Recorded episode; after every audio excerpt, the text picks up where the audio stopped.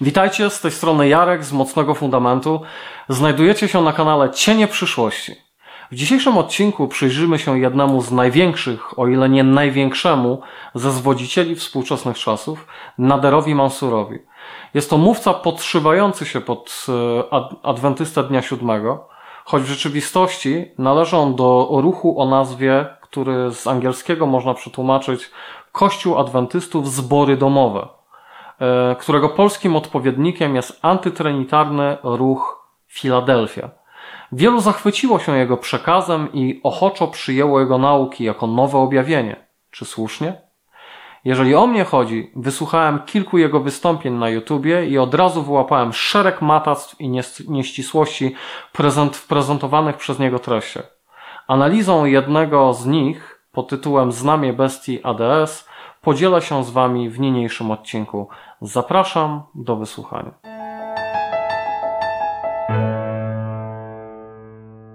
Treść wykładu oscylowała wokół zagadnienia pieczęci Bożej. Według Mansura pieczęcią Boga jest jego charakter odzwierciedlony w jego wiernych naśladowcach.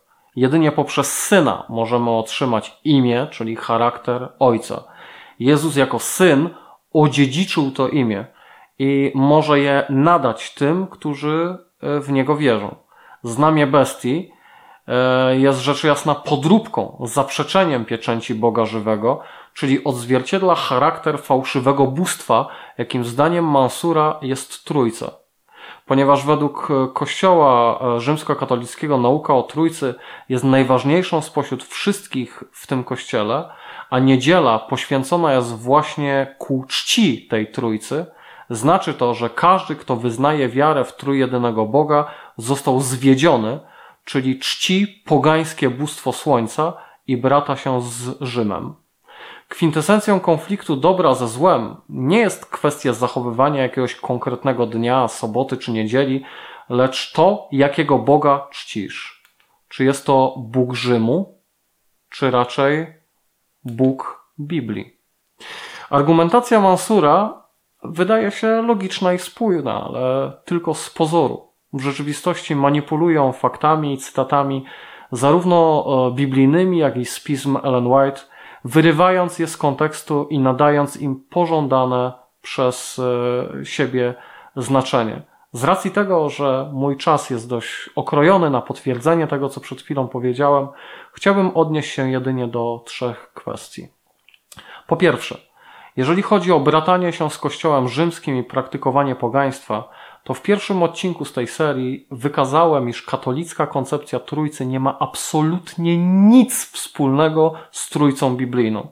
Poza tym katolicyzm to nie chrześcijaństwo, ale neopogaństwo. Pod płaszczykiem terminologii chrześcijańskiej praktykują prastare wierzenia i kult solarny i tu Mansur ma rację. E, nawet skrót IHS na szatach kapłana odnosi się do pogańskiej triady Izyda, Horus i Set. Diabeł zawsze podrabiał prawdę Bożą i nie inaczej jest w tym przypadku. Szatan pragnie zrównać się z Najwyższym, dlatego też wymyślił swoją koncepcję Trójcy. chciałbym tutaj przytoczyć fragment e, komentarza e, Nadera Mansura do tekstu z Jana 5:23. Jest tutaj bardzo ważny fragment do którego się przyczepię. Dziś, bracia i siostry, nie czcimy syna jako syna. Nie czcimy go jako jednorodzonego syna ojca. Czcimy go jako coś innego. Tak czyniąc, w rzeczywistości nie czcimy go, a tym samym nie oddajemy też czci ojcu. Więc w tej wypowiedzi widać ewidentną manipulację tekstem biblijnym i skrajny unitarianizm poniżający postać Jezusa i ukazujący jego podrzędność względem Ojca. Jezus jest jedynie synem Ojca, jednorodzonym synem Ojca. Nie jest więc równy Ojcu. Nie jest Bogiem. Tymczasem Jezus w swojej wypowiedzi podkreśla swoją równość z Ojcem. On mówi, że nie można czcić Ojca, nie czcząc Syna. Odrzucając jednego, jednocześnie odrzucamy drugiego. I to pokazuje, jak ścisłą i nierozerwalną więź mają oni ze sobą. Inny cytat e, Mansur przytacza przykład pani Hastings, która została zapieczętowana pieczęcią Boga żywego. Była to osoba, o której, co do której Ellen White miała wizję, że zostanie zmartwychwskrzeszona, kiedy Jezus Chrystus przyjdzie e, w, w, no, w oznaczonym czasie, tak? E, po, przy, przy, końcu, przy końcu świata.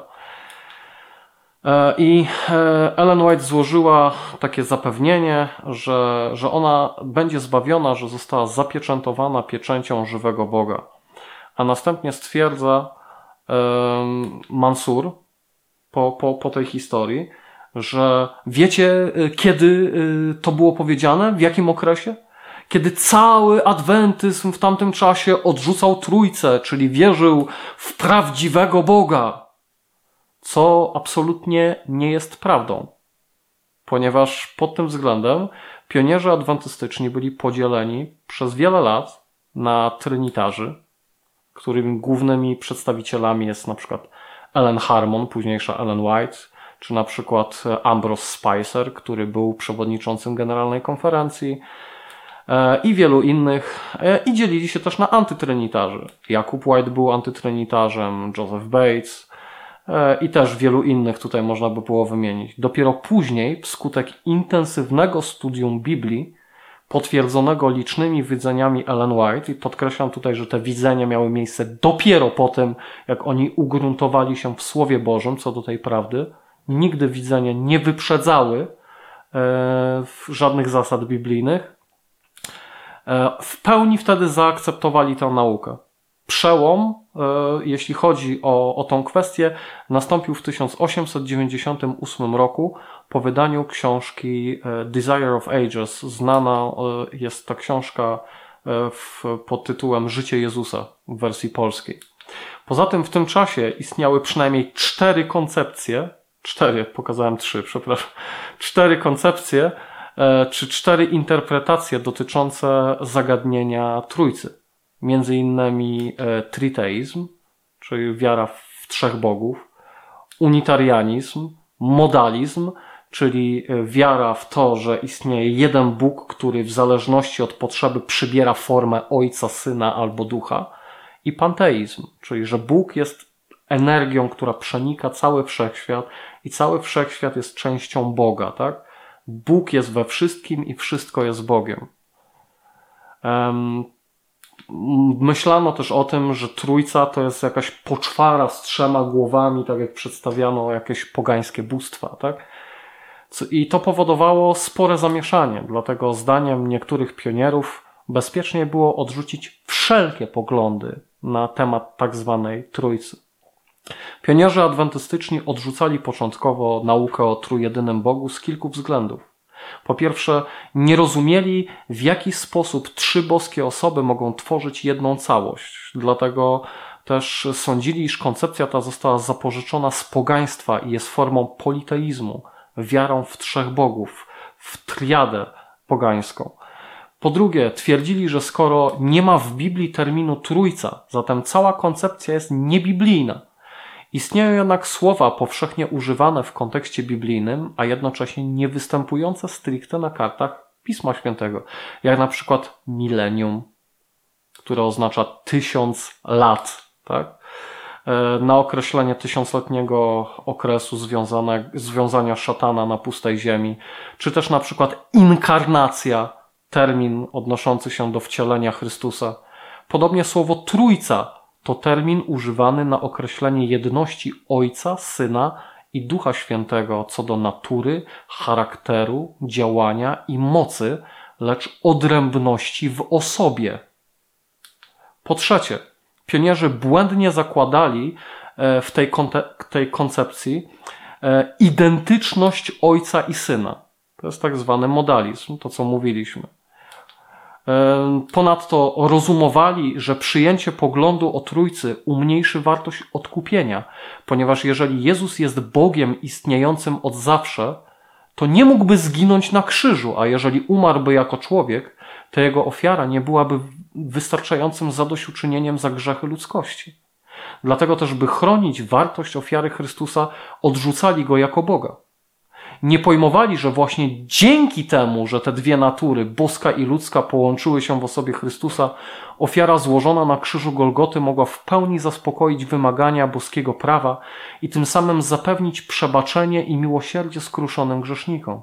Boskość zapewniała nieskalaną doskonałość poniesionej ofiary, zaś człowieczeństwo możliwość jej urzeczywistnienia poprzez zastępczą śmierć. Jeszcze jedna kwestia. Jako, że Chrystus w Księdze Objawienia 3.14 nazwany jest początkiem stworzenia Bożego i dodatkowo jest nazwany synem, nie, nie mógł być, zdaniem pionierów ówczesnych, postrzegany jako równy Bogu, gdyż to oznaczało, że musiał mieć swój początek. Nawet jeżeli by to miało mieć miejsce w jakiejś dalekiej przeszłości, która dla ograniczonego umysłu ludzkiego jawi się jako wieczność. Jednakże słowo przetłumaczone jako wieczność, jako początek, przepraszam, to grecki termin arche, który rzeczywiście można przetłumaczyć jako początek, ale także jako źródło, co w świetle takich tekstów jak Jana 1.3 czy Kolosan 1.17 wydaje się bardziej poprawnym. Tam Chrystus jest ukazany jako Stwórca.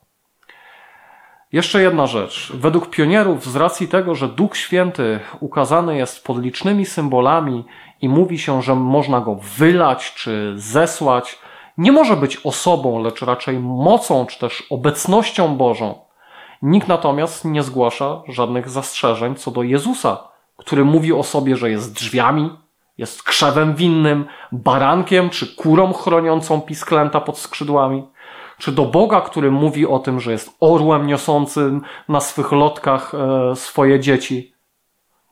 Na temat znaczenia symboli Ducha Świętego nagrałem kiedyś e, wykład, do którego link umieszczę w opisie, jak również e, do wystąpienia, w którym rozwijam temat pieczęci Boga i znamienia bestii. Zdradzę jedynie, że owe symbole odnoszą się do różnych atrybutów Ducha Świętego.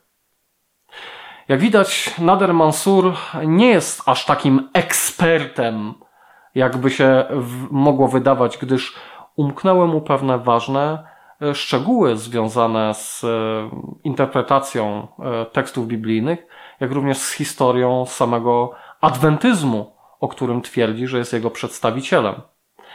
Ja jestem raczej skłonny stwierdzić, że celowo je pominął, żeby zwodzić ludzi i przekonywać ich do swoich diabelskich koncepcji. Mam nadzieję, że ten materiał okazał się pomocny i e, że, że coś wniósł w Wasze zrozumienie tego zagadnienia. Następnym razem omówimy sobie podejście Ellen White do zagadnienia Trójcy. Będzie to odcinek spinający i podsumowujący to, o czym dotychczas mówiliśmy. Zatem e, zachęcam do tego, abyście go absolutnie nie przegapili. W opisie pod odcinkiem e, znajdziecie też ciekawe materiały pomocne w zgłębieniu przedstawionego tematu. Na dzień dzisiejszy dziękuję Wam za uwagę. To były Cienie Przyszłości. Subskrybuj, daj łapkę w górę oraz śledź kanał na Libry, Instagramie, BitShoot i Facebooku. No i wbijaj też na mocny fundament. Czekam tam na Ciebie. Cześć.